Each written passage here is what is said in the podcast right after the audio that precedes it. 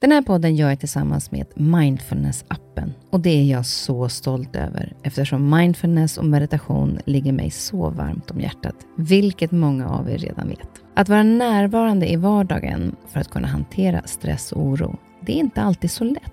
Då kan man ha mindfulness-appen nära till hands för att hjälpa dig när du behöver. För mig kan det vara så till exempel när det gäller sömnen, att vissa dagar då har jag riktigt svårt att komma till ro. Framför allt när det är mycket med jobbet. Då brukar jag använda mindfulness-appen och avsluta dagen med en avslappningsövning för att sänka stressnivån. Det gör det så mycket lättare för mig att somna sen. Oavsett om du kämpar med sömnlöshet, stress eller bara behöver en stund för dig själv så har Mindfulness-appen verktygen för att hjälpa dig att slappna av och sova bättre. Appen är utformad för att passa in i din livsstil med korta övningar som passar även de hektiska schemana.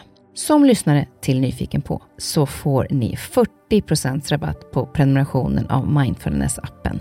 Länk till erbjudandet ja, det hittar ni i poddens Instagram, kaspersen nyfikenpa. Eller så går ni in på themindfulnessapp.com kristin. Välkommen till min podd Nyfiken på. Här får jag chansen att möta människor som jag är nyfiken på utifrån deras historia, kunskap eller erfarenheter. Människor som jag inspireras av och förhoppningsvis kan vi med det inspirera er. Och om ni gillar avsnittet får ni jättegärna dela det så fler får chansen att lyssna och det ger mig också möjlighet att få spridning på podden så att jag kan fortsätta länge att bjuda in människor till roliga och intressanta samtal. Glöm inte att du också kan gå in och prenumerera eller följa podden så missar du inte när avsnittet släpps. Veckans gäst är Joanna Svika. Hon tog sig till final i Robinson. Och med den bakgrunden som hon har så är jag inte förvånad. Hon är personlig tränare, egen företagare och älskar äventyr och resor. Men Robinson handlar om så mycket annat. Det sociala spelet, ja det har nästan blivit större än att klara av att överleva på en öde ö och hantera alla tävlingar. Jag är nyfiken på hur det kommer sig att Joanna antog utmaningen Robinson, hur hon upplevde det sociala spelet, hur hon fysiskt och mentalt klarade sig på så lite mat och hur hon hanterade hemlängtan. Det var ändå nio veckor på den här ön. Jag är också nyfiken på Joannas enorma drivkraft i vardagslivet. Hon har en egen blogg, är influencer och personlig tränare via sin hemsida där hon gör individuella program. Sen älskar hon att tävla, gärna långa utmanande lopp.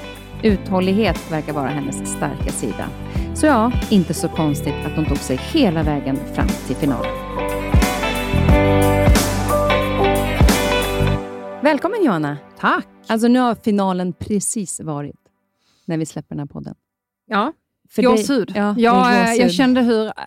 Det, det, är fortfarande väldigt ofattbart att eh, jag eh, kom så långt oh. i årets Robinson. Att jag, det hade inte jag ens räknat med. Jag var så här, men kommer jag till sammanslagningen, då är jag nöjd. Och sen så bara tog jag, jag bara, okej, okay, men om jag klarar ett göre, ett göre, en tävling till och så blir jag så här. Och sen när det... Så du satte upp delmål med mm, på vägen? Hela tiden. Ja. Mitt första delmål var att inte åka ut i första avsnittet. Mm. Det hade varit pinsamt. nej, men, nej, men. Med tanke på att du kom in i en som kohandel. Ja, ja. Men alltså, hur var finalen? Det var så otroligt känslosamt.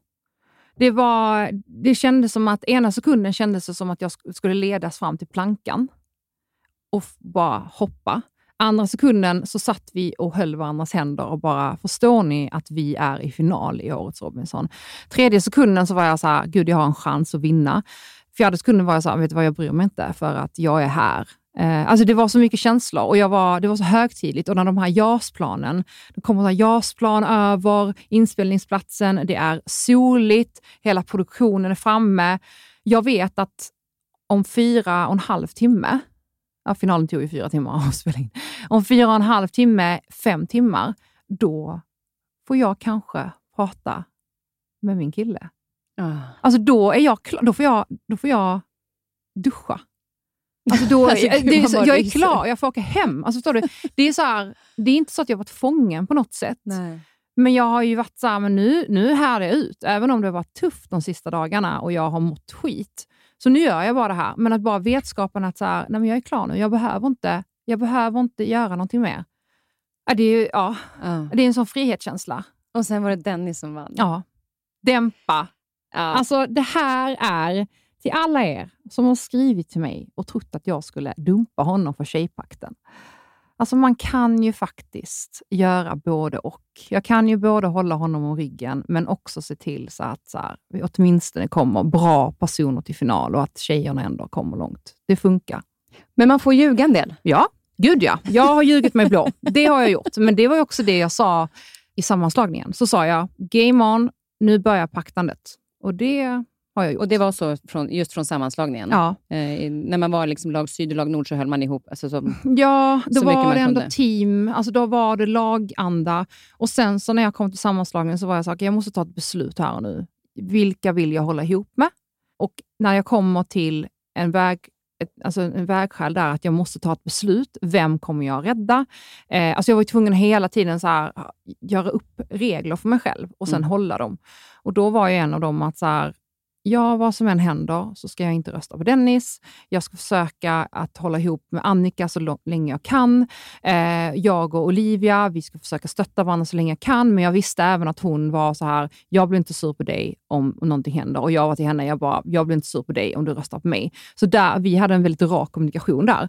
Och då visste jag att det är fine. Annika och jag var väldigt tydliga till varandra och sa, vet ni vad? Vi håller ihop, men samtidigt, spela spelet och gör det. Och det är det jag gillar med Annika. Mm. Alltså hon är ju hon är inte dum och hon är också så här, hon bara, gör vad, vad det som krävs. Och jag kommer också göra vad som krävs, men vi hjälper varandra. Jag bara, bra, då vet jag det.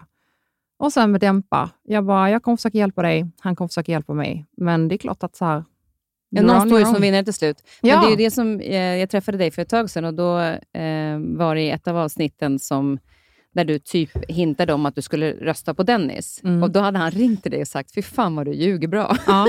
Nej, han, att ni ändå kände Ja. den... Eh, De har ju klippt det väldigt bra. Ja.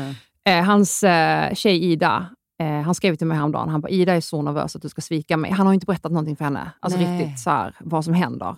Och jag bara, ja jag vet, jag får jättemycket arga meddelanden om att jag kommer svika dig.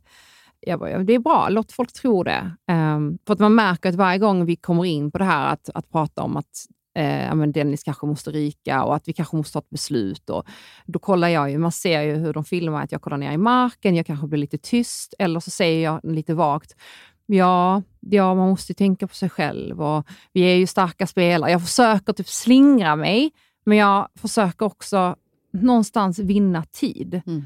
För att innan, innan Anders kiosk i ett av avsnitten så ehm, är ju, kommer ju alla till mig och bara, Jonna, bara så du vet så kommer vi rösta på Dennis i dagens eh, öråd. Eh, är du med oss eller inte? Och jag säger så här, jag, jag vill inte rösta på Dennis eh, och sen så säger jag inte mer med det, utan jag bara, vi får se hur vi gör. Och jag bara, okej, jag måste vinna tid. Någonting måste hända. Anders kiosk, det kanske händer någonting i Anders kiosk. Och det som händer i Anders kiosk är att Rickard bekänner färg. Rickard som hela tiden har gått med Dennis och sagt att han inte kommer att rösta på Dennis, han kommer att vara med oss. Han gör ett väldigt taktiskt osmart val och hjälper William.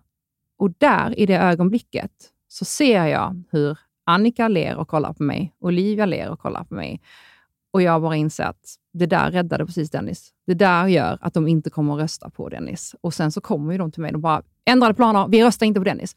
Och jag bara, ja okej, vad bra. Och då har inte jag ens behövt meddela mitt beslut än, så jag går ju hela tiden och väntar ut att någonting ska hända. Jag bara, pju! Och så går jag till Dennis och jag bara, jag tror du är safe. Han bara, Åh, typ. Men Så- alltså jag ryser. Ja, men alltså, det vilket är- otroligt påslag Ja. hela tiden. Ja. Just under den att, att det aldrig går att vila någonstans Nej. i... Nej, och, och, och, och han vet ju att jag är pressad. Jag vet att han är pressad. För lika mycket som alla kommer till mig bara, hur ska du göra? Rösta på Dennis. Rösta på, han är ett stort hot. Så kommer de ju till honom bara, du vet om att Joanna kommer att köra ut dig. Du vet om att Joanna kommer att svika dig. Du vet om att Joanna... Så han är så här, han bara, Joanna, de, de säger att du kommer att rösta på mig. Jag bara, ja, och de säger att du kommer att rösta på mig. Så varför ska jag tro på dig och varför ska du tro på mig? Det är ett dödläge. Det är ord som står mot ord. Du kan ju du kan ju kasta mig under bussen lika mycket som jag kan kasta dig under bussen. Jag menar, du la ju ändå din röst på Anki och inte alltså, och, och gjorde inte som vi andra sa. Så att jag menar, antingen så litar vi på varandra och du litar på mig, eller så... Ja. För hade vi behövt rösta på eh, den, Dennis, den Ja. örådet, då hade jag ju gjort en neutral. Alltså då hade jag bara gjort en höger och vänster och lagt det på någon annan. För det är just det att, som jag kan uppleva som Robinson, för egentligen tycker jag ju att Robinson är ju en tävling där det handlar om att överleva på en öde Mm. ö. Men det är ju mycket mera ett socialt spel än någonting annat. Ja, verkligen. Och det är det man märkte på alla. De hade en strategi när de kom in, eh, många av deltagarna, att eh, inte stöta sig med någon, flyga under radarn och bara så här sitta lugnt i båten och komma så långt som möjligt. Men det funkar ju heller inte på ett sätt. Nej, men jag tänker så här, när du sökte till Robinson och när du, för att liksom ta dig dit, Mm. vad var det du ville dit för? Jag var nog, det här är så hemskt, men jag var nog den minst begeistrade deltagaren de tog med. Jag var, när de, jag fick frågan och jag satt i de här intervjuerna och jag var på TV4 och träffade hela, och de bara, du, du är klar, du, du, vi vill ha med dig. Och jag var så, ja, men jag måste bara kolla igenom lite saker och jag måste prata med mina samarbetspartner, sponsorer, jag har ett bröllop jag ska gå på. Alltså det var väldigt mycket, jag var liksom inte, jag, jag var så här, men ska, ska jag nu göra detta? Ja, det ska jag. Och sen så då, de bara, det kommer vara i Haparanda. Då trodde de att det skulle få mig att hoppa av helt. För det är väl det folk gjorde. När de fick höra att det var i Sverige så hoppade folk av. Då var det, jag bara, vänta vad sa ni? De bara, det är Haparanda. Jag bara, nej men jag såg framför mig hur jag bara kom som Bear Grylls och bara, nej men det här blir grisigt. Det här blir svinigt. Det här har inte någon gjort förr. Det här är jag först med. Jag bara, jag, jag är med. De bara, Det andra hoppar av för, hoppar ja. du på? Jag bara, nej men det här är jag med på. Det här är häftigt. Det här men är alltså, coolt. det måste ju ha varit så, ni har ju mössa och dunjacka Ja, på typ hela tiden. Ja, men det är grisigt. Det är eh, inte alls kul. Men, eh, och då var jag så här, men jag vill ju inte göra härliga och roliga saker när jag ska utmana mig själv. Det, det finns ju en an anledning till att jag... Och då var jag så här, men det här blir ultimat. Och då var jag så här, men okej, då har jag, jag har ju två val. Antingen så går jag in i Robinson, eh, mörkar eh, att jag är atletisk, att jag har, liksom, tävlar i löpning och så här. Jag mörkar vad jag jobbar med. Jag, eh, jag håller mig väldigt neutral och bara flyter med och är vän med alla och är härlig och check. Eh, Skulle du klara det i nio Nej. veckor och inte Nej, vara jag ärlig och rak? nej, alltså det hade varit, ett, det hade varit är du, intressant. men ärlig och rak eh, är ju en väldigt fin styrka hos dig. Ja, nej, men då jag så men jag kan göra så. Eller så går jag in och så är jag mig, mig själv 100%. För du har en chans att vara med i Robinson på det sättet. Och vill du inte vara det själv hela vägen. Och då bestämde jag mig för att nu kör jag. Nu gasar jag. Och det var ju, du kom ju in på ett väldigt lite annorlunda sätt, Mm. typ kohandel. Ja. När du fick reda på den grejen, vad, vad kände du då? Vi var ju, vi var i Haparanda. Eh, Jag kom ju upp på... Jag, de andra deltagarna kom ju upp på lördagen. Eh, Jag kunde inte komma upp då, för jag var på bröllop. Och jag ville inte åka upp på söndag, för då skulle jag vara bakfull. Ja, men du hör ju. Mm. Alltså, Ja. eh, De var, du får komma upp på måndagen. Så vi var ett gäng som kom upp på måndagen. Och det var, gjorde ju att det blev lite... Jag har ju fått höra, och jag, det är inte hundra procent att det här stämmer, men jag har fått höra från några produktioner att då blev det att jag kom in tre dagar senare, att de gjorde någon form av twist av det. Men då ska vi först sitta en vecka i karantän. Just det. Och Det var det att du sitter en vecka i karantän där de tar din mobil och dator.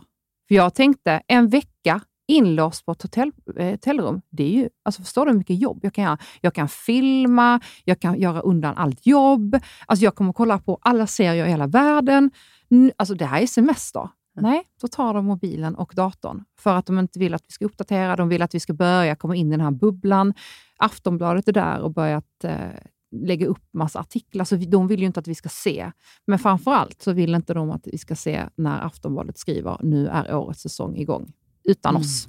För att jag satt ju på det här hotellrummet. Så när det går upp för mig att nu är det någonting som händer. Nu har de ändrat våra tider, hur vi får gå ut. Vi får gå ut en timme om dagen. Eh, De har ändrat det till en halvtimme om dagen. De kommer inte in lika frekvent längre. Då frågar jag ju deltagaren Sari, jag bara, du, eh, jag kommer inte gå in i första avsnittet va? Hon bara, nej, du går in. visste inte det från Nej. början. Hon bara, du går in i avsnitt tre. Jag bara, okej, det är lugnt. Jag bara, så länge inte jag är en utmanare eller en joker så är jag glad. Mm. De bara, nej, du är en officiell deltagare, men vi fyller på laget på ett speciellt sätt. Och detta är ju för att, med tanke på att det är Haparanda, så måste saker och ting hän- hända direkt. Annars kommer ju folk tro att vi är på ett scoutläger. Mm. Och då var jag så här, okej, men det är lugnt. Då, kom, då har jag ju en chans någonstans nu om jag går in i avsnitt tre och på ett speciellt sätt att ja, men det här kan ändå bli bra. Det här kan bli till min fördel. Um, och det blev det ju, för jag och Dennis träffades ju i den här hagen, follan. Vi hade inte fått träffa varandra innan det. Och inte Nej, fått prata. det var första gången ni sågs? Ja, vi kom ju från olika håll, sattes och så säger de, ni får inte prata, ni får inte säga någonting till varandra. Men uh, vi kollar på varandra och så typ ler vi och så säger jag bara så här, du verkar vettig, ska vi hålla ihop? Han bara, vi håller ihop. Ja, vad coolt. Mm. Och från det, från det höll ni ihop hela vägen? Ja. Han, äh, men han, han, han var så här, han bara, när jag först såg dig så tyckte jag att nej men vad är det här? Så här, kommer där i blonda hår och, och så här. Men sen så, typ, så var det någonting, han bara, du verkar ändå stark och vettig och sen så hade du bra kläder på dig. Alltså. Men det, och det är rätt intressant hur vi får liksom mm. bedöma bara genom att titta på mm. någon. Mm. Eh, genom att liksom så här, ska mm. jag våga välja den personen eller mm. inte? Mm. Liksom. Och sen så blev det så bra.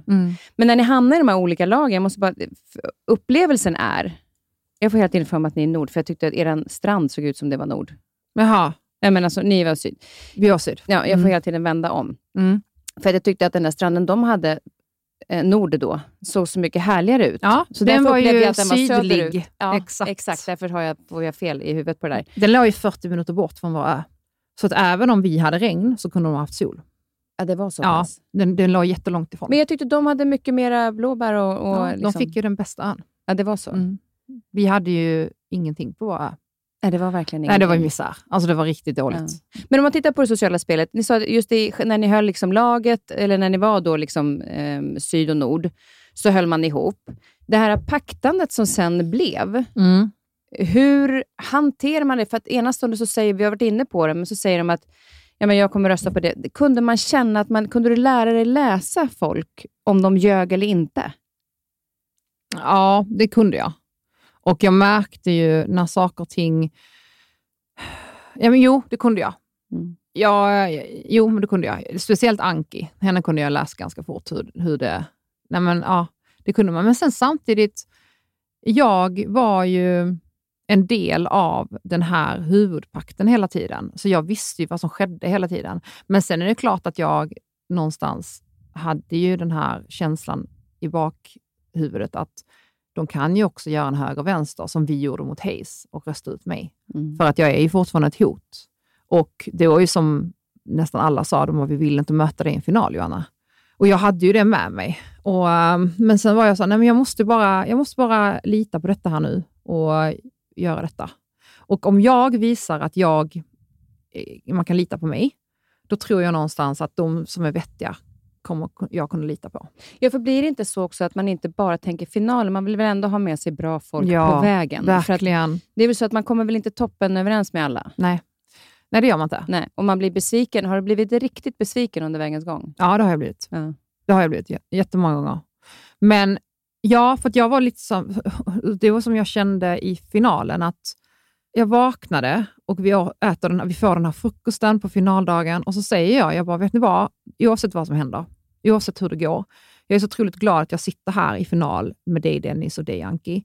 Eh, för dig Anki, alltså, vi har ju haft våra liksom, diskussioner och liknande, men det har alltid varit lite med glimten i ögat och att Ja, jag bara, du vet om att jag tyckte du var jättejobbig emellanåt. Du har varit väldigt jobbig, men samtidigt har du och jag haft väldigt många fina samtal och hon berättade för mig att nej men hon ändrade uppfattning om mig också. Hon bara, jag tyckte inte om det i början, men sen så vi, vi ändrade uppfattning om varandra och kom varandra väldigt nära, vilket var väldigt fint. Och Det är det jag tycker är väldigt härligt med, med sånt, att du kan ju ändra uppfattning om folk. Jag ändrade uppfattning om Olivia också. Mm. Eh, och eh, Jag tycker inte det är fel, så länge man är ärlig nog och öppen med att Gud, jag hade fel om dig, men jag tycker det här nu. Och Det är ju ännu finare, tycker jag. Jag vet om att jag har sagt att ja, men jag vill ha med Anki för att jag kommer vinna av henne, men jag bara, du, du kan vinna av mig. Alltså det, du är så stark och häftig, så är det någon jag vill möta så är det dig. Och sen Dennis, jag bara, men Dennis, jag har ju sagt till dig att från dag ett att du har varit en vinnare. Liksom, att jag tror att du kommer ta hem det här och jag gillar dig. Så att oavsett vad som händer så har ju jag redan vunnit. Jag har ju vunnit mm. mitt Robinson. Det jag är här för att göra. Det jag är här för att förmedla. Um, jag visar ju hela mitt känsloregister. Det är mycket gråt just nu. Ja. Nej, men det, så att, um, Ja, Ja. Det som också var härligt med Anki, även om jag vet att många kunde Mm. irriterade på henne Mm. ibland, men varenda gång man ser henne i synk, Mm. när hon sitter pratar, alltså hålla det humöret uppe och Mm. den, positivism, Mm. den positiviteten som Mm. hon har. Alltså imponerande Ja. när man inte har mat Mm. och eh, ha den glädjen fortfarande, vilket jag tror många också kan störa sig på. Ja, det är väl För klart. att man bara, någon annan är skitirriterad Mm. och så sitter hon där och skrattar. Mm. Man bara, kan du sluta skratta? Mm. Men det ligger ju hos en själv, Ja. inte hos henne. E- Exakt, och det var det jag, det var det jag sa. Jag bara, det låg ju hos mig själv när jag hade det tufft. Och Hon sa också, hon bara, ja, och jag gick ju tyvärr på vad alla andra sa om dig i Nord och bildade mig inte min egen uppfattning från början. Men sen när du och jag satt och pratade om livet, vi satt och pratade liksom om, om våra, våra kärlekar, om, om, hon älskar ju äventyr, om att, och då var vi, ja, så att det är Mm. fint. Men det är det någonstans också som när ni är, det är nio veckor totalt som ni var där va? Mm. Det jag undrar lite grann över, det är ju eh, maten innan vi kommer in på tävlingarna. För att när jag, när jag tittat på Robinson nu, vilket jag ju har följt eh, slaviskt, så i min upplevelse, jag vet inte om det är rätt, men att ni har fått mycket mera mat i tävlingarna och sådär. Att det är liksom, en pizza har jag aldrig sett dykt upp på samma sätt förut och det har varit väldigt mycket mat. Fanns, var det för att det var mindre mat på, i Haparanda, Mm. eller eh, till skillnad mot Fiji? Eller varför, varför blev det så mycket mat den här gången? Eh, jag tror ju att redaktionen, eller produktionen underskattade ön. De underskattade hur kallt det var. För även om vi hittade mat och åt, så vi behöll ju inte den på grund av att kylan. Så vi var ju så nedfrusna hela tiden och då eh, förbränner du mycket mer. Vilket gör att vi kunde inte behålla någonting. Eh, men sen var det svårare att hitta mat. Svamparna var maskätna, vi åt dem ändå. Men det var ju, det, allting var ju maskätet, alltså blåbär. Mm, det, till slut har du ju gallrat ut allting. Vi fick upp några fiskar och, och jag, även om jag fick upp en stor abborre när jag stod och fiskade, men då har du stått och fiskat i tre timmar. Du får upp en till två abborrar. Är du då sex, sju personer, det är ungefär 80 gram fisk. Det är ingenting. Nej. Så att det finns ju mat, men... Ni är ju några stycken som ska dela på det. Exakt. Och eh, Så det var fisk, blåbär, svamp? fisk, blåa svamp och sen så hade vi eh, gud vad fan, ja, kantarell, ja, lite så havtorn, hallon. Eh, det är ja, ju ingenting. Victoria åt myror. Eh, Är det sant? ja, men det var det. Och till slut så blev de bara så, men det här blir inte bra TV. Ni sitter ju... Vi kunde inte röra oss. Alltså vi, antingen låg vi bara på stranden, som så här, helt utmärglade och orkade inte göra någonting. Eh, eller så satt vi bara och stirrade in i elden. Mm. Eh, och Det är det som är så roligt när man ser Nord. Varje gång de filmat Nord så sitter de och äter. Varje gång de Ja. filmar oss så sitter vi och deppar vid elden. eh, och då var de så här, men okej, vi, det var aldrig så att de kom med mat till oss, utan vi vann ju mat. Mm. Så Så det, det var för att det var för lite Det var för och lite. att det var för så kallt så att ni för, så mycket. För ja, sen, sen såg man ju när ni var i sammanslagningen så eh, bakade ni ju mycket, eller bröd på Ja. morgonen. Vad gjorde ni det av? eh, mjöl. Och då hade fick vi, mjöl? Ja, då fick vi en ranson. Så vi fick, eh, då, vi för då, var det, då, började, det- då har vi varit där så pass länge. Mm. Tävlingarna började också bli tuffare. Så då fick vi eh, en halv deciliter havregryn per person var, per dag. Och så fick vi så att man kunde göra två pinnbröd var per dag. Okej. Och den fick, det fylldes på en gång i veckan. Så förstår du diskussionerna om hur mycket vi ska ta och varför alla var så här, nej men nu har du varit där, nu får inte du det här. Alltså det var ju, det var ju nästan alltså, hetsk stämning om hur mycket man ska äta. Sen var det någon gång vi vann någonting till, ja, men då var det så här, vilka ska ha de här? Alltså det blir väldigt, väldigt snabbt. Ja, man märker ju på humöret. Tydligast Mm. var väl kanske Dennis när han Mm. kom till maktens boning. Mm. Alltså eh, förändringen på Mm. honom när han fick mat. Ja, men han var ju så, han var ju, han var ju så sur där under två veckor. Ja, men han satt ju, jag frågade honom, hur är det? Han bara, "Nej, han pratar inte med mig. Alltså, han var så sur. Så det var så roligt. Det var så roligt att driva med honom. Han bara, men har du fått mat nu? Han bara, jajamän. Ja, men det gick ju Mm. inte att... Mm. Alltså, man ser ju alla andra bara Ja. skaka på huvudet. Ja. Men han verkligen, och, men också så här, det är så ärligt. Han Ja. bara, ja, alltså, så här blir det när man får energi. Exakt. Vilket jag tycker är intressant när man är intresserad av hur kroppen fungerar. Mm. Mm. Att verkligen se mm. när du får liksom energi i mm. kroppen vad som händer. Mm. Det har varit helt eh, fantastiskt. Sen kan man ju slåss om maten också, som ni när ni fick pizza. Typ. Mm. Ja, det också.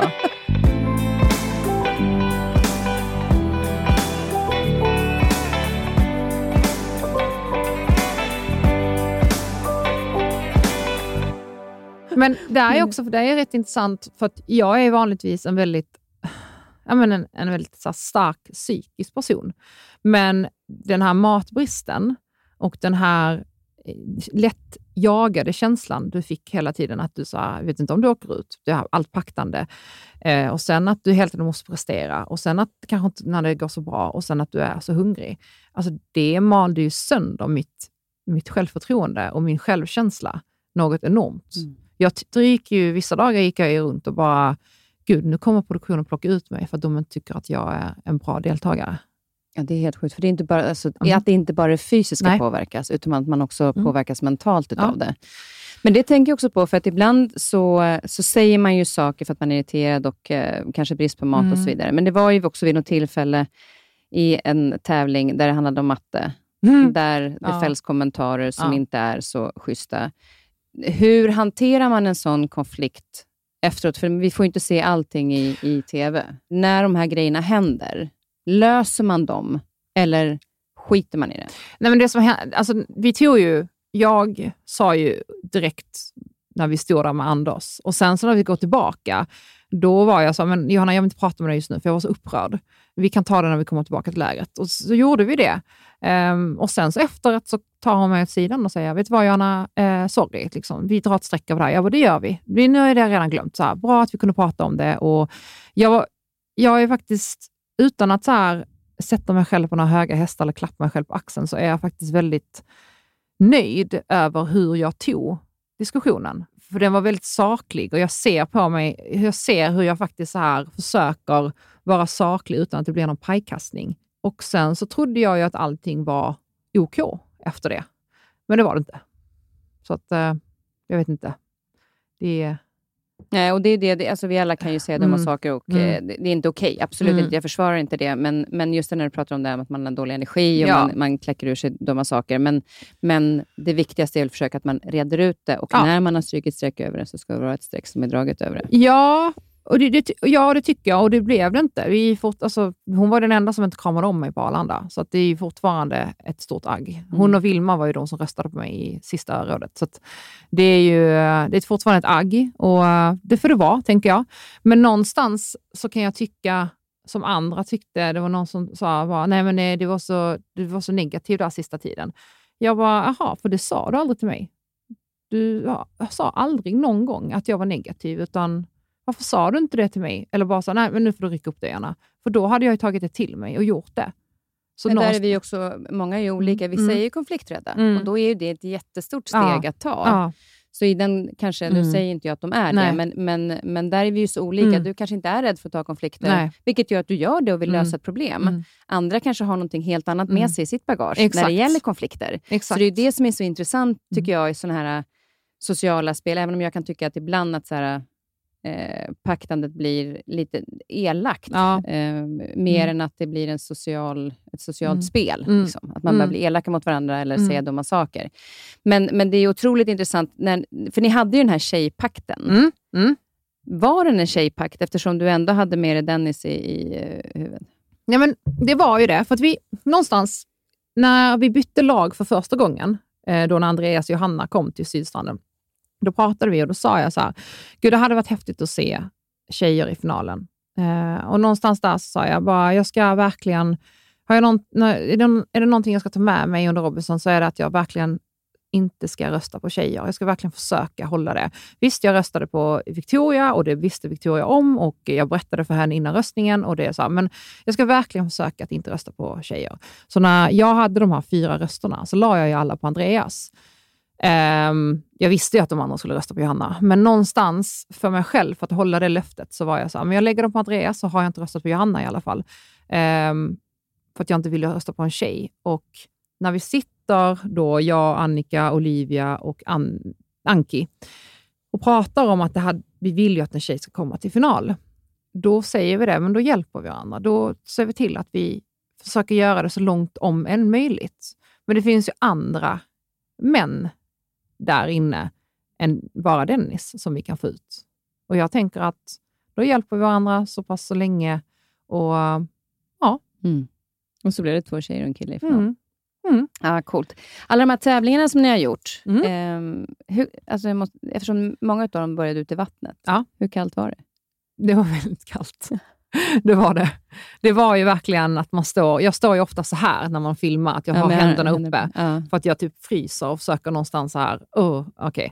Men sen när man väl var igång och gjorde det, då gjorde man bara det. Men emellan, alltså, alltså, det är ju många så här tagningar. Vi ska ju färdas med båt till den här tävlingsön. Det är ju kallt Mm. och man är ju nedkyld. Och sen också det här att när man vill tvätta sig kanske, så man inte så gärna går ner i vattnet hel- så mer än när man måste. Exakt. Eh, men tävlingarna var ju eh, många fysiska tävlingar, Mm, men mm. det jag tänkte på var att många slu- avslutades ofta med något jävla pussel eller Ja. någonting. Absolut. Det var inte till min fördel. Nej men alltså, eh, Förutom då att jag faktiskt briljerade i pusslet i finalen. Ja. Det var ju det jag tog hem. Så att det, Ja. det var ju också sjukt. Vad skönt att sätta pusslet Ja. eh, sist när du Ja. gjorde det. Men, men just den grejen, för annars är det ju så, det gör ju kanske att det blir lite mer jämnt. Mm. Eh, men det är nästan så att ibland skulle man bara vilja säga, men strunta den där... Mm. För att ibland var det rena eh, pusselgrejer. Mm. Mm. Men håll en ren eh, tävling. Hur kände du när du såg varje gång, eller ofta när det var en sån här... Nej, men jag kände att ja, det här tar jag hem fram till pusslet. Jag är inte bra på pussel under stress. Alltså det, det är inte min grej. Och Det är så synd, för att jag, är- jag märker på mig själv hur frustrerad jag blir. För att jag levererar ju bra i allt annat fysiska och jag är ju hela tiden tvåa, trea, tvåa, trea, tvåa, trea och sen så bara kommer jag till pusslet och då är det som att jag bara ger upp. Jag bara, kan, vi, kan någon vinna det här nu så att vi kan bli klara? och jag är så att, nej men det går inte. Jag har inget självförtroende i pussel och sånt. Nej. Nej, och där är det Mm. också svårt kan jag tänka mig, Mm. att när man annars är mentalt stark, Mm. men med för lite energi Mm. i kroppen Mm. och som du sa, Mm. självförtroendet Mm. svackar, så är det ju kanske sådana Mm. tillfällen när man annars kan lura sig själv Mm. att jag är skitbra på det här. Mm. Så orkar man inte det. Nej. Nej. Men, men var du alltid sugen på tävling när de sa att det var tävling? Ja, det var jag. Jag var taggad. Dels för att någonting händer. Det är inte så roligt. Alltså, det är långtråkigt på de här öarna. Eh, men också så här, det är ju kul. Alltså, jag älskar ju tävlingarna. Det är ju väldigt roliga tävlingar. Vad var det jobbigaste på ön? Att, eh, att du till slut bara sitter av tiden och att du, att du inser att nu har jag varit här i snart ja, 40 dagar. 43 dagar. Alltså det, det är bara... Jag, bara, jag har varit här så otroligt länge.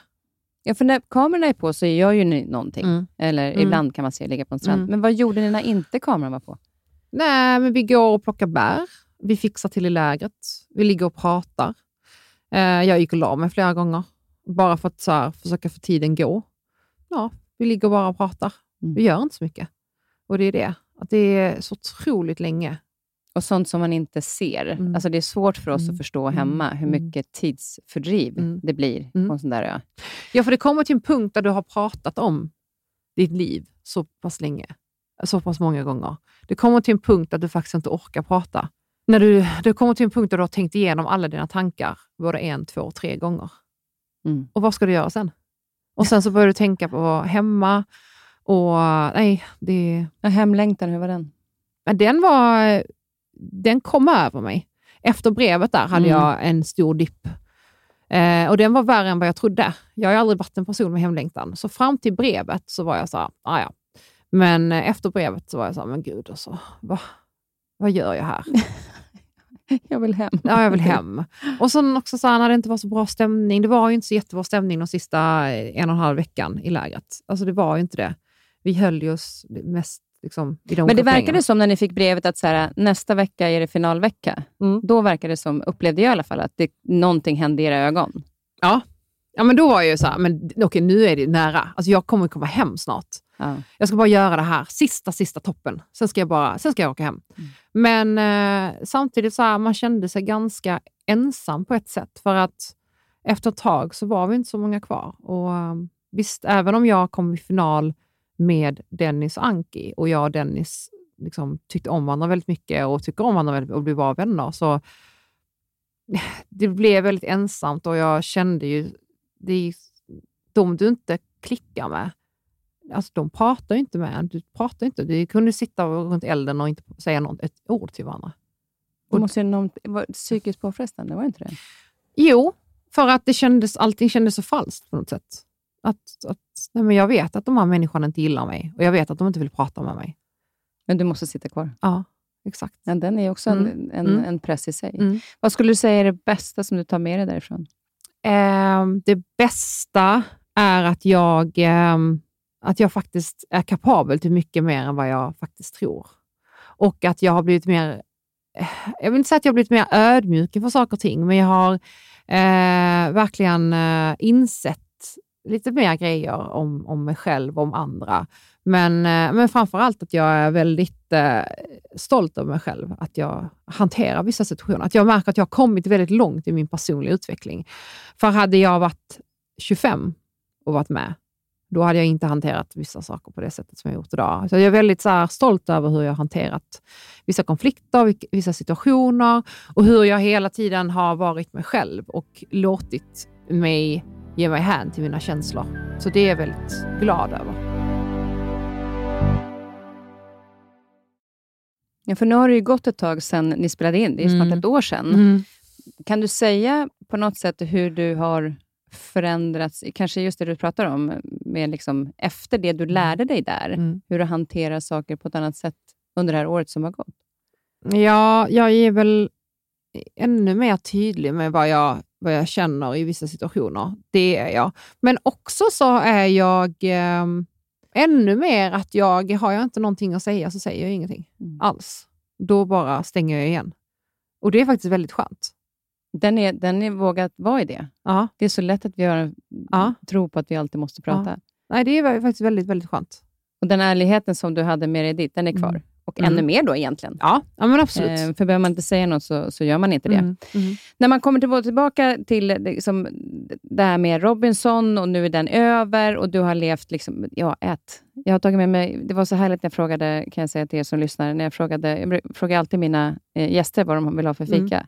Mm. Och Joanna bara, jag äter allt. Det är kardemummabullar, det är... Och sen så sa du att du gillade hallongrottor, fast då ska det inte vara några såna här, utan de där är faktiskt från Thelins. Ja, men det är bra. Nej, men det får det inte vara några, några fejk från eh, till, till exempel så här, en stormarknad eller liknande. Nej, nej, nej. Nej. Utan de där är från Thelins. Jag äter ju inte gluten, så jag köpte en liten... De, Mm. jag har hittat en sån här kanelbullevariant på um, Blueberry. Mm. Som är, jag blir så glad. Mm. eh, Vad heter det? Pepstop har också Ja. fantastiskt. De har fan grymma eh, glutenfria kanelbullar. En parentes till det här. Men nu när du har kommit tillbaka eh, och det här året har gått. Mm. Så om man tittar på det du faktiskt jobbar med, om vi ska Mm. komma in på det. Mm. Alltså det är ju det sjukaste. Du har ju, verkar ju ha ett, ett driv och ett pannben som är helt enormt. Ja, men jag tror att jag har så länge fått höra att jag inte kan göra alla saker. Du måste bestämma dig. Du måste ha en nisch. Man kan inte, man kan inte göra allt. Man måste ha en tydlig plan i livet. Det är det man har inpräntats och jag har inpräntats. Och någonstans känner jag att jag vill ju testa på, för det är så jag blir bättre på saker och ting. Och jag är faktiskt lugn med att jag inte behöver vara bäst på allting. Um, det verkar bara vara, vara väldigt tröttsamt och jobbigt att vara bäst på allting. Ja, och det, jag är inte förvånad att många tänker så, Mm. därför att vi lever i ett prestationssamhälle. Mm. Liksom, från skolan så ska Mm. du ha liksom, alla rätt och det Mm. ska vara så mycket prestation. Och, eh, det, det är klart att det blir då lätt att det är där man får bekräftelse, om man är, om behöver det. Ja. Men att, att landa i att jag gör bra ifrån mig Ja. Nej, men och gör jag, mitt bästa. ja, och jag känner att det, det ger mig så otroligt mycket glädje att få testa nya saker och um, jobba med saker och ting som jag finner är intressanta. Mm.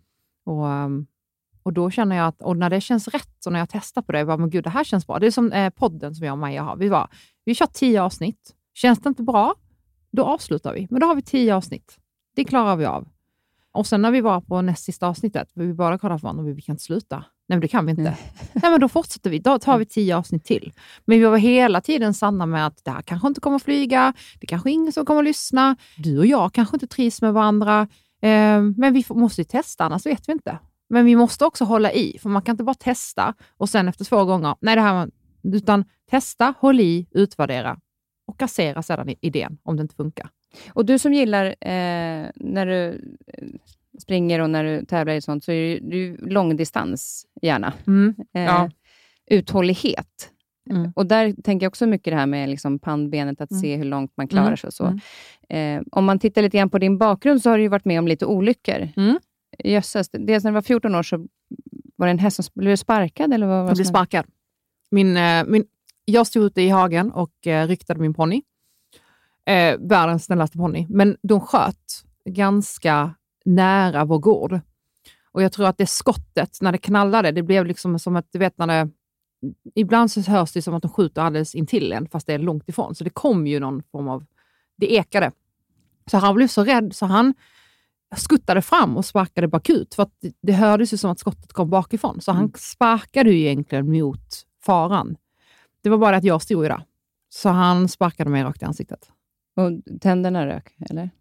Ja. Mm. Och sen så vände han sig om och sen drog han ju till med, an, alltså, med sitt huvud. huvud. Så det blev ju liksom som en... Som en han gjorde en piorett, typ. Mm. Och vad hände efter det? Nej, men tänderna flög, eh, bröt käken, bröt näsan, fick grov hjärnskakning. Så, så men hur fick... var det i 14 års ålder, att, så här, tänderna... Det är ju din, du är väldigt känslig när du går på högstadiet. Så att dels att så, de får lappa ihop mig. De får lappa ihop läppar, allting. Och, och sen så får de ju bygga upp käken med ben från höften. Men att sen, de kan ju inte stoppa i, de kan inte sätta in titanskruvar direkt, utan det måste ju läka. Sen så ska det en process att de ska eh, vet det, kolla ut, gjuta. Så jag var, ju, jag var nästan ett halvår tandlös i högstadiet. Hur var det? Eh, nej men, det är så sjukt att jag eh, klarade mig igenom det. Jag, eh, jag tänkte så här, folk kommer prata, folk kommer viska, så det är väl bara direkt att jag går ut och visar att jag inte har några tänder. Så jag gick och log i, typ, i korridorerna, så att folk bara nästan så här, ja, kolla nu, kolla nu riktigt noga, jag har inga tänder. Och sen när folk inte när de insåg att ja, det var det, vi kan inte prata om det, för hon har redan tagit ägandeskap för det. Då var det som att... Men var du så redan från början när du var liten? Nej, var liksom... nej men jag tror att det var någon överlevnads... Eh, alltså strategi för mig. Jag var så här, nej men jag kommer gå under annars. Mm. Och jag tänkte, ja, det, är ju, det är ju min olycka, inte någon annans. Det får jag bara göra. Och den är ju, och just i den åldern. Ja. Eh, och det här med tänder är ju... Jag var ju med om en grej, mm. som, som, fast det var jag som utsatte någon annan. Alltså vi spelade brännboll och min, eh, en av mina bästa kompisar stod bakom mig. Och jag, var, oh, jag var under 18, så jag var den enda som inte hade druckit. Och Hon hade liksom de vackraste tänder. Och jag, träff, jag slog inte som många tjejerna hade gjort, alltså mm. underifrån och upp. Ja, du gjorde en riktig... Ja. ja. Och eh, träffar henne på tänderna. Och fem tänder ryker. Och jäklar vilken sving! Japp. Och det small. Och du vet känslan i, i det här brännbollsträet när jag inser och ser att hon står framböjd och så säger hon bara att det knastrar i munnen. Och Jag skriker bara rätt ut. Hon har tappat en tand. Eh, det var fem. Och hon var då 19-20 år. Är ni, ni, är ni vänner idag? Ja, men hon är faktiskt gudmor till alla mina, mina söner. Det är min bästa kompis när jag var fem mm. år uppe i Järvsö, ja. så det var ju tur, men det var ju fruktansvärd ja. känsla. Men hon gjorde också en sån grej, att när tanden var borta så fick hon en sån här gommetand. Ja. Och den, när vi gick ut sen på, på dans och så där, då, då klickade hon ner den när någon bjöd upp henne. Hon bara, nej tack. Och så drog hon ner tanden ja. som blev tandlös. Mm. Så hon gjorde också en, en grej av det på det sättet. Ja, och det, ja, och jag tror... Det var ju det enda jag kunde göra. Och sen mm. hade jag ju hästarna, så att jag var ju så här, nej men jag... Och du fortsatte, blev inte hästrädd efter Nej, fortsatte rida och... Ja. Men sen är det någonting med dig och olyckor, för sen mm. var du med för cykelolycka för några år sedan. Mm. Ja, men då small det igen. Eh, och då faceplantade jag i 40 km i timmen på min tävlingscykel. Eh, och det var ju det, det enda jag var rädd för, är att om tänderna har rykt nu, då har de ju rykt med hela skruven och då kommer de inte kunna bygga upp käken igen.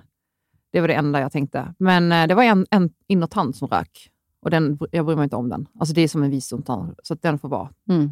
Men, eh, nej, men där var jag. Och sen så hur jag såg ut i efterhand. De var, men jag hade en fantastisk läkare som satt och sydde ihop mig med små, små, små stygn. Um, ja, Ja, för det blev 38 stygn mm. i ansiktet. Mm. Och när jag tittar på dig nu mm. så kan inte jag se vart de stygnen är någonstans. Nej, Nej men det är, man ser ju, jag har en bubblig läpp. Mina, jag har ju fått, jag har liksom stygn här, jag har bubbliga läppar. Och, mina, och sen har jag ju nedsatt eh, känsel, alltså mina nerver är av. Så det har de fått göra för att bygga upp, annars hade ju mitt ansikte hängt lite. Så det de fått göra är att de får bygga upp, så att jag har liksom fyllt ena sidan av läppen så att den ska liksom bli Balanseras, jämn, balanseras upp. Eh, och Sen så har de gått in under ärrvävnaden och fyllt lite för att inte det ska sjunka in. Eh, och Det är fantastiskt. Men jag, Otroligt vad de kan göra Ja. Alltså. det är det. Men, Men, ju, men i den åldern och eh, med jobb och ansiktet, Mm. som ändå är en så stor del Mm. av en själv och man känner igen sig. Eh, och Sen förstod jag också att du fick dödsångest. Ja. Hur hanterade du det, hela den grejen? Nej, men då var det ju riktigt mörkt. var det. Men jag beslöt mig för att jag ska ändå köra Kalmar, så jag tävlade en månad efter. Men det och var du ju, tävlade med eh, ändå? ja, jag tävlade ändå, men det var inte, ja, men det var inte något... Jag fick ju skriva på att jag eh, tar på mig full alltså ägandeskap för det. Min läkare var bara så, jag, nej. Men någonstans, jag bara, om jag inte gör det här, då kommer jag aldrig sätta mig på en cykel igen. Jag tror tyvärr att jag kommer sluta tävla. Alltså jag, det, det går liksom inte. Och då var jag så här, jag kommer ju inte kunna göra de tiderna jag har tränat för. Jag var ju fruktansvärt bra form. Och jag, sa, jag kommer inte kunna springa in på några, alltså den tiden jag... Vad var det för tävling? Eh, Ironman Kalmar. Ironman med 38 stygn i ansiktet. Ja.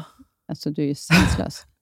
Men, eh, jag bara, men jag gör det bara. Ja. Och så eh, får det ta den tid det tar. Men så länge jag gör det, jag tror det var viktigare för mig att bara göra det. Men efter det, då var det som att allting kom ikapp mig och då började jag må dåligt. Så det var ju som en posttraumatisk stress efteråt. Mm. Att jag började få dödsångest och jag tänkte att jag har, ju, jag har alltid varit ett friskt barn. Jag har aldrig haft halsfluss eller lunginflammation. Alltså, jättefrisk, men jag har råkat ut för olyckor hela tiden. Och till, när jag fick min ångest så var det till slut att jag tänkte att nästa olycka kommer att ta död på mig. Alltså nästa gång någonting händer, då kommer jag dö. För jag har varit nära döden nu tre gånger i mitt liv. Så att det kommer inte... Ja, Vad var tredje?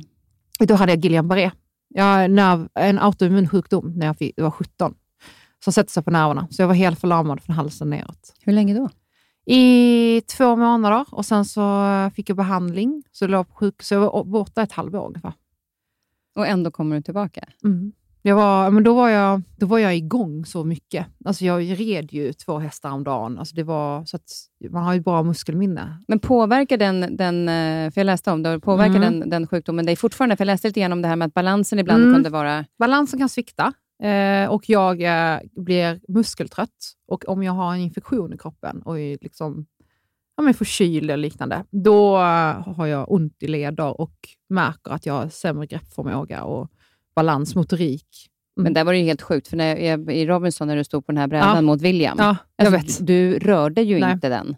Men det är ju inte, det är bara på grund av att jag har stor starka ben. Att någonstans att jag gick ner och bara, det, jag, jag kan inte göra det här om jag inte går ner och ställer mig i en benböj och bara håller det. För där vet jag att jag kan kontrollera min styrka. Det är det enda jag måste göra. Så att, eh, men det är sjuk. Jag är fortfarande imponerad av mig själv där. Jag var tvungen, att- jag var tvungen att titta på den Ja. igen, Mm. och så är det när de filmar närbild på den där, Mm. Mm. och så där, jag måste kolla om den rör sig Ja. någonting, och den rör sig verkligen Nej. inte. Nej. Och så ser man nu William Ja, verkligen kämpar. Han, Ja. Det kan man ju inte ta ifrån honom. Han kämpade ju verkligen. Ja. Men att också se någon som viftar så Mm. bredvid den kan ju också störa Mm. sitt fokus Mm. och balanssinnet. Och då Mm. med den problematiken Mm. du har, Mm. så är det ju en ännu större prestation än vad man Mm. kanske egentligen Mm. fattar. Ja, jag var så glad, och vilket man såg. Ja, jag, såg var, man. jag var så glad. Alltså det var ju, där var jag så här, men gud, jag har ju, jag har ju vunnit Robinson. Alltså det var så det kändes. Mm. Så att det har varit jättemycket sådana grejer jag har gjort i vissa tävlingar där, som har varit så här vinster för mig hela vägen. Men eh, ja, och, ja, det är skönt att jag har den dödsångesten har släppt. Även om jag Hur ibland... gjorde du för att bli av med den? Jag gick och pratade med en eh, psykolog om det. Eh, och Sen så um, beslöt jag mig bara för att acceptera att jag kommer ha ångest från och till. Vilket, jag har ju aldrig varit en ångestfylld äh, eh, människa. Jag har nästan liksom inte förstått vad ångest riktigt är. Men nu har jag ångest. Det kan komma över mig, men det kan jag ändå hantera det. Hur gör du det? För det, det finns ju de som har ångest, Mm. rätt många faktiskt, som, har, Mm. eh, som pratar om just om ångestproblematiken och svårt att hantera Ja. den. Hur gör du? För Det kanske är olika för alla, men ändå tips till andra hur man kan hantera Jag, När det kommer? em, Jag berättar det. Jag, Mm. jag säger till mina vänner och, och då min kille att jag eh, har en dålig dag, jag har ångest och att jag faktiskt... Eh, och då, jag, bara, jag behöver bara pepp. Jag behöver bara att ni peppar mig. Mm. Och, och då gör de det. Det är det här att inte lägga locket på. Nej, jag bara, men, jag, men de märker oftast på mig att det Ja. är någonting. För Kakan Hermansson var ju här och hon mm. har pratat en del om sin ångest också. Och Det hon mm. sa var det tydliga var ju att mm. lägg för fasiken inte Nej. locket på. Nej. Utan lyft på locket, låt det bubbla över så att du inte pressar och håller tillbaka. Mm. Och Det är ju en sån grej kanske mm. då, att man pratar med någon mm. eller sina kompisar eller någonting, bara man får det ur sig. Så att man inte liksom försöker hålla det inom sig. Att få ut den delen.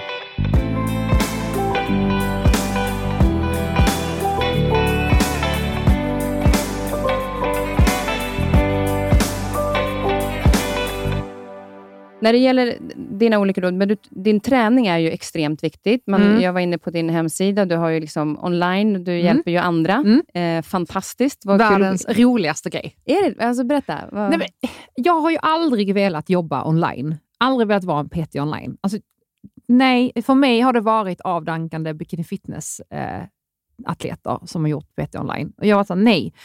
Men i och med corona så fick jag ju ställa in mina bootcamp som jag hade och de kunderna jag hade som jag körde ute, de var så här, men vi, några av dem behöll jag och körde ute på IPn. Men jag insåg ju att, jaha, hur ska jag nu göra?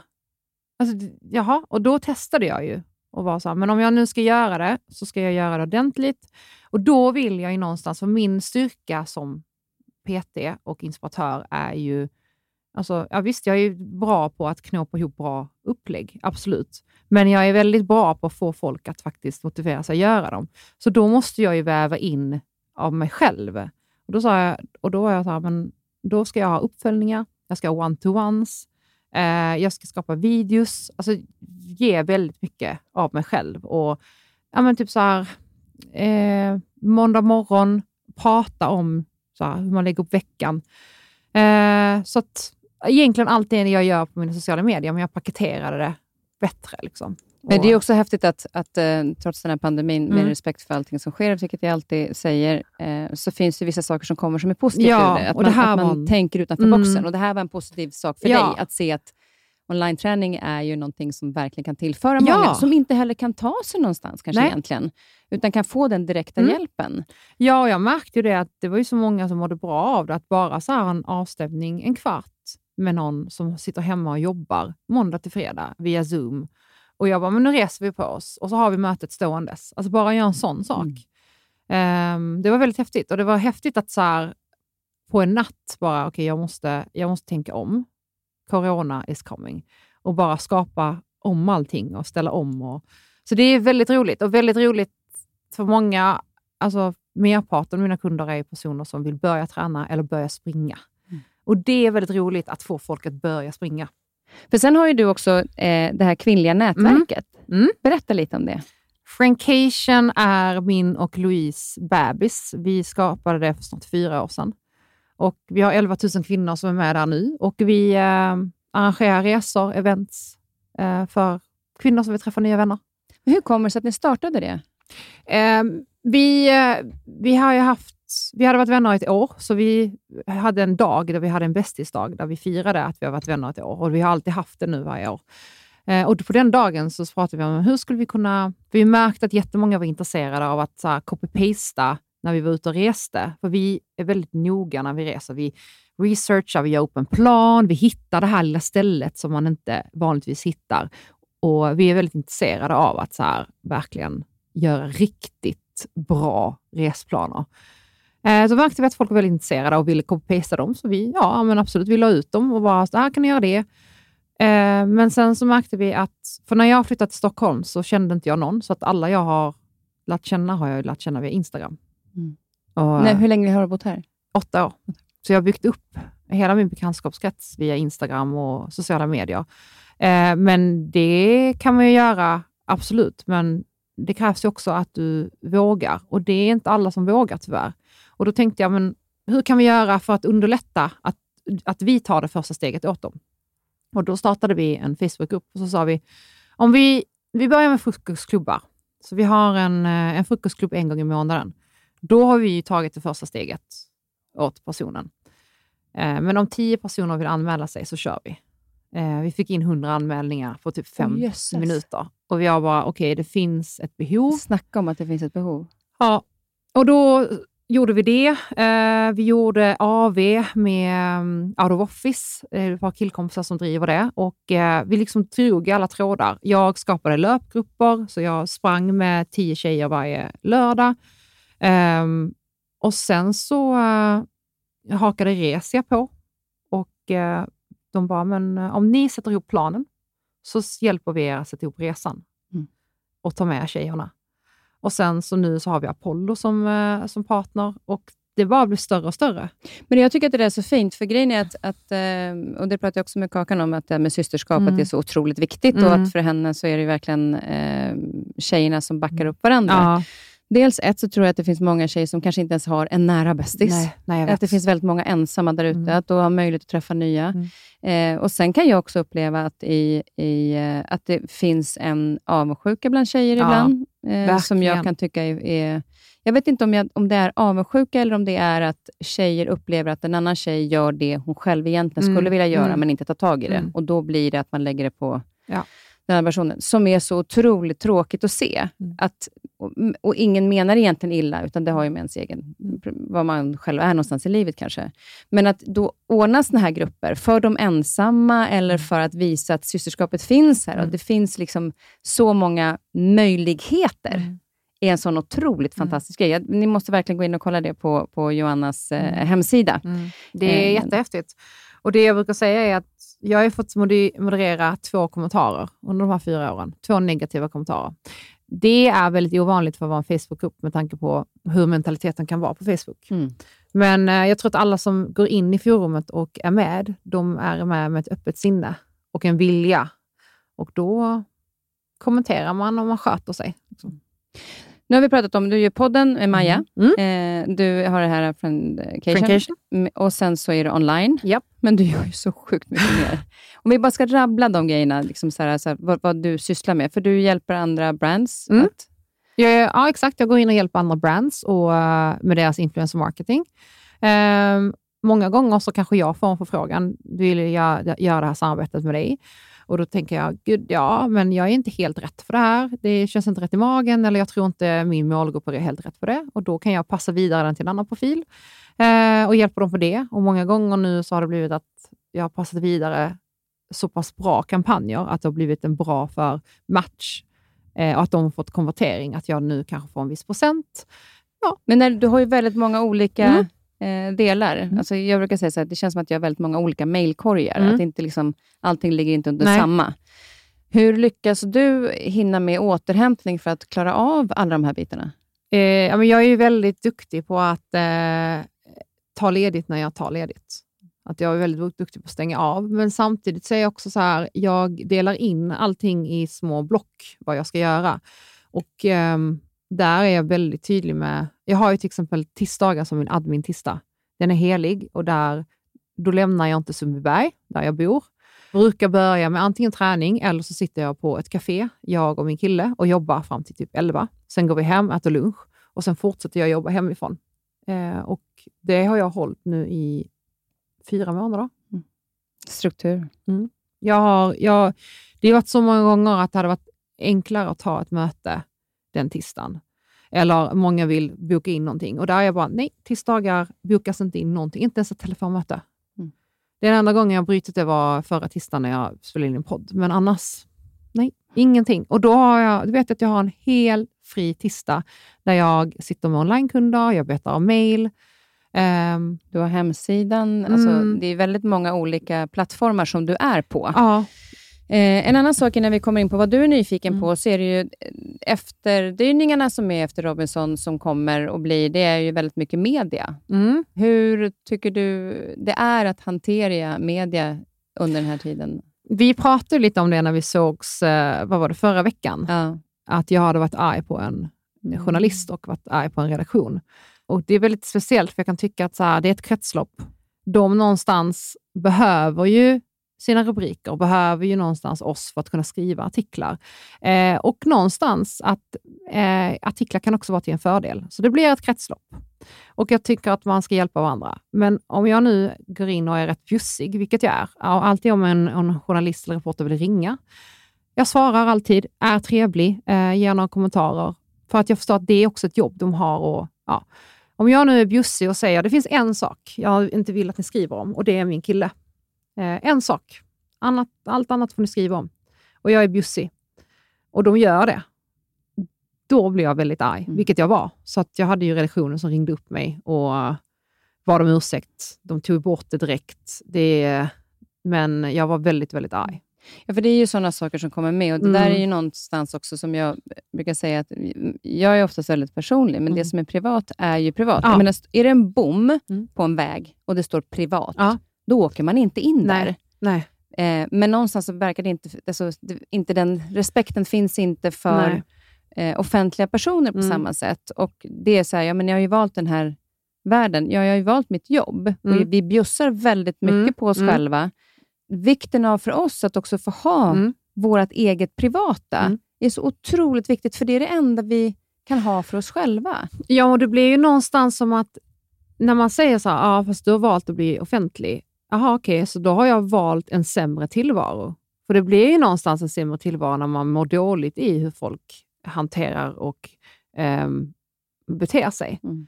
Och då, blir det, då har du precis gjort en skillnad på mitt och ditt jobb. Då anser inte du att det, det, det blir så konstigt, det blir så skevt. Mm.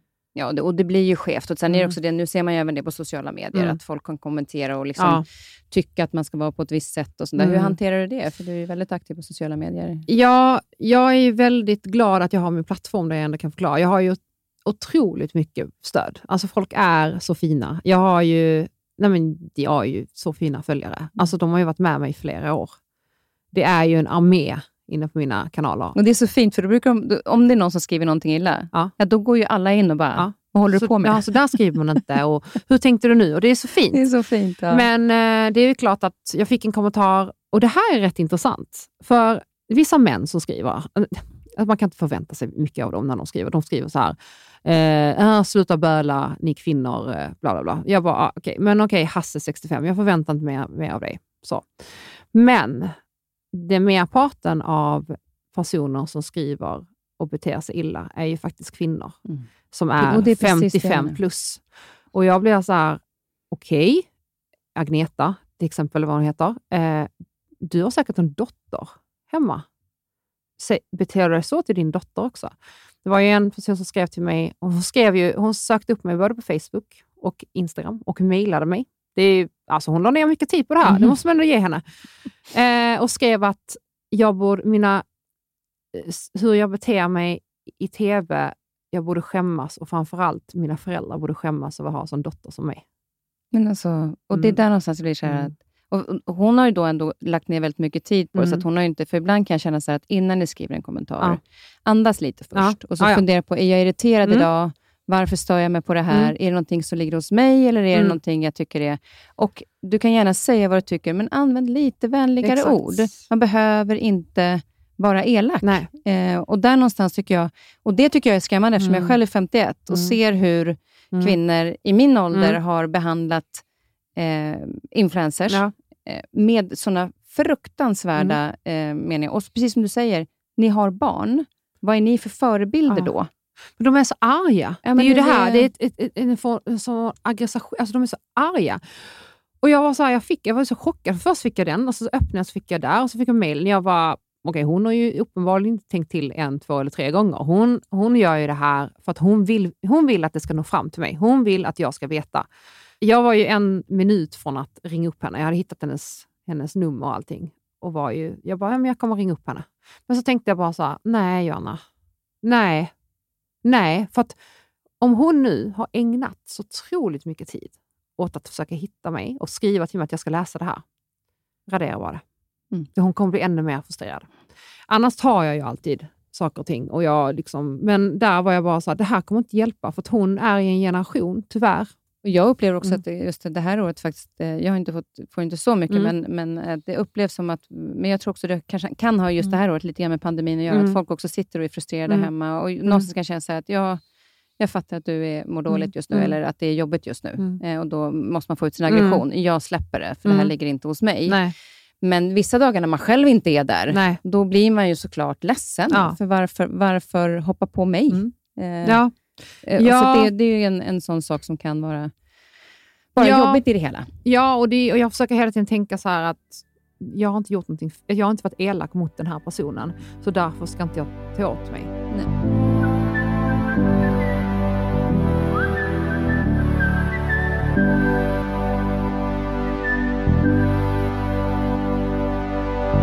Innan vi avslutar nu så vill jag höra vad du är nyfiken på.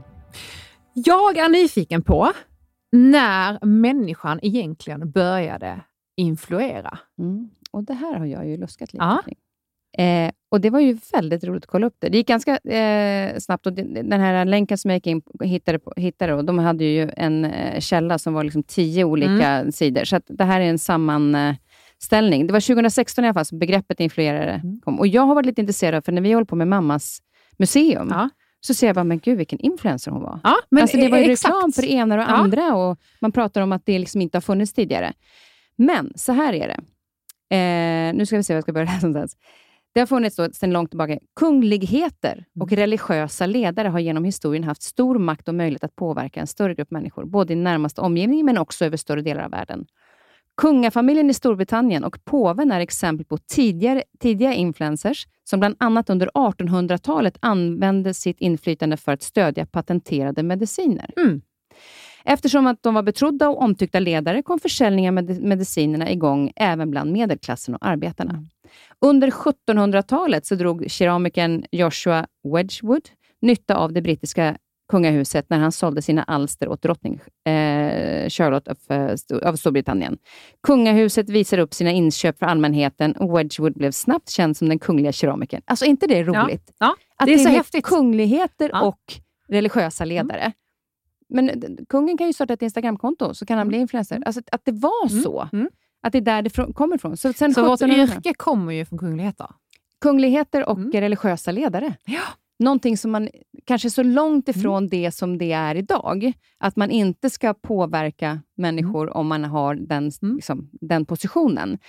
Sen kom det då, det 1900-talet, så blev det vanligt att företagen då skapade fiktiva eh, influenser för sin märke. Coca-Cola hade jultomten till Exakt. exempel. Det var ju därför James faktiskt, eh, Dean hade ju, eh, vad hade han, Levi's va?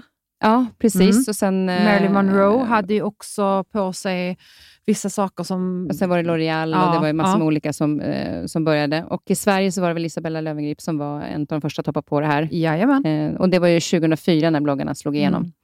Så det är ju ganska häftigt ändå Mm. att, att se att det faktiskt är ända tillbaka till 1700-talet Mm. som man såg att, och använde sig av kungligheter och religiösa ledare. Eh, det, man, det man då säger är att eh, vem som var den första influensen är svårt att bedöma, men det var alltså kungligheter och religiösa ledare som man kan anta varit de tidigaste av de inflytelserika personerna. Och där höjde jag mitt arvode. Exakt. ja, men det tycker jag var otroligt cool läsning. Det är så roligt när, när eh, mina gäster har Ja. liksom olika saker som man får kolla upp. För det hade inte jag tänkt på att kolla upp, Nej. även om det liksom är så otroligt intressant. Så mamma var också en influencer. Mm. Det tycker jag var eh, otroligt häftigt att se. Vad tycker du själv om influenceryrket? Jag tycker det är häftigt. Mm. Jag tycker det är häftigt om du gör, om du skapar någonting bra utav det. Jag kan tycka det är lite skrämmande att eh, många inte förvaltar det bättre. Eh, det är att de kastar bort en form av makt man har någonstans, en, en, en god makt, en, en chans att, att eh, påverka. Eh, men också att många tar det för givet för att alltså, Instagram kan bli en betaltjänst imorgon. Det vet vi inte. Vi vet inte riktigt var det här är på väg. Så eh, skapa någonting bra av det, men skapa en plattform och se till så att när väl Instagram stängs ner så har du någonting att jobba med. Ja, och det de skriver också här egentligen, det är också att, att det blev en, en plattform för influencers som Mm. visar sitt vardagliga Mm. liv. Mm. Eh, ibland kan jag ju känna att, kanske att det vardagliga livet kanske inte alltid är autentiskt med Nej. sitt vardagliga Nej. liv. Eh, och där kan jag känna så här, hur viktig är ärligheten bakom det som en influencer står för?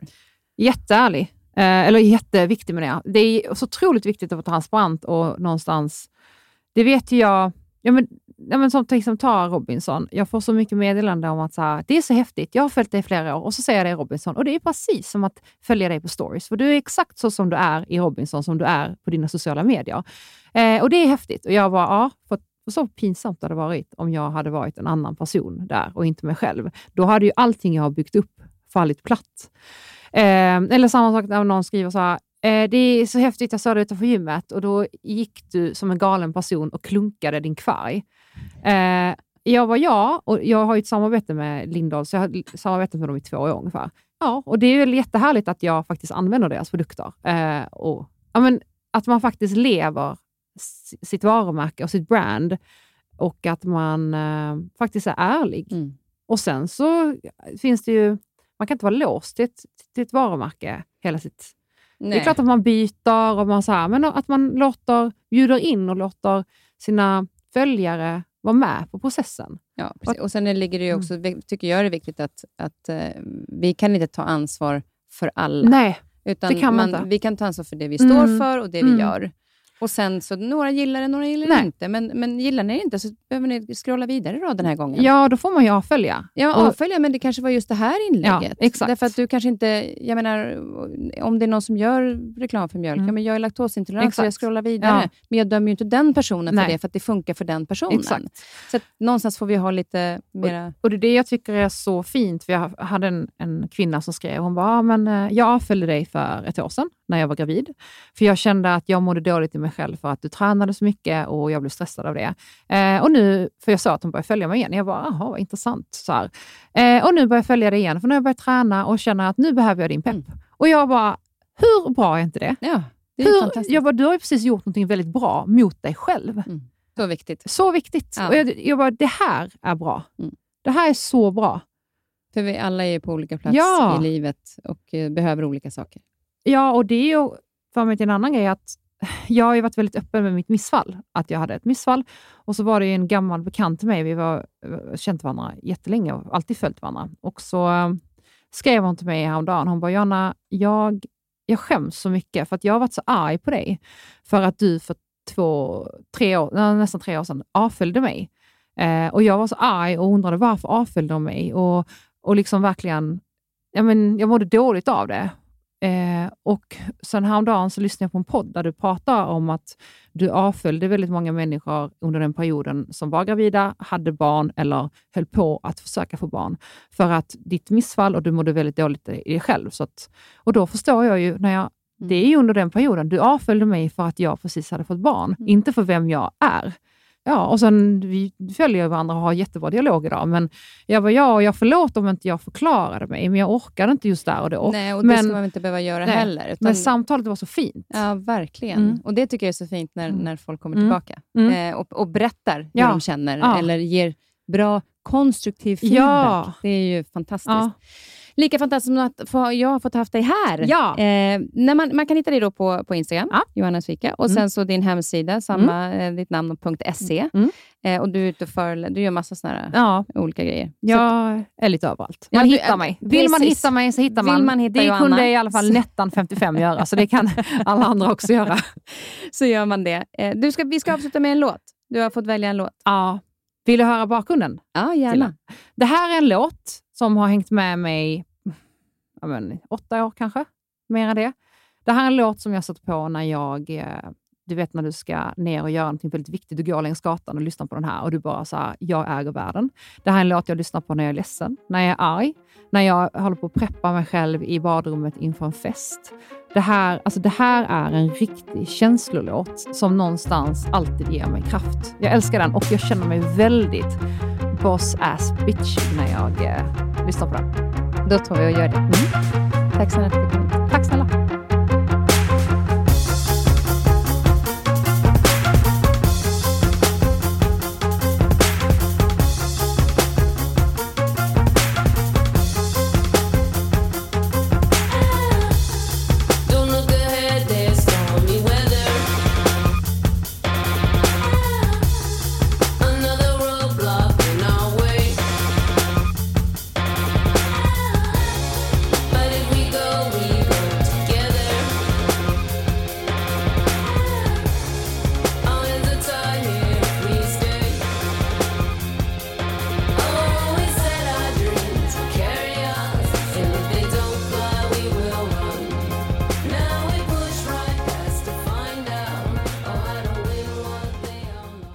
Podcasten är producerad av Perfect Day Media.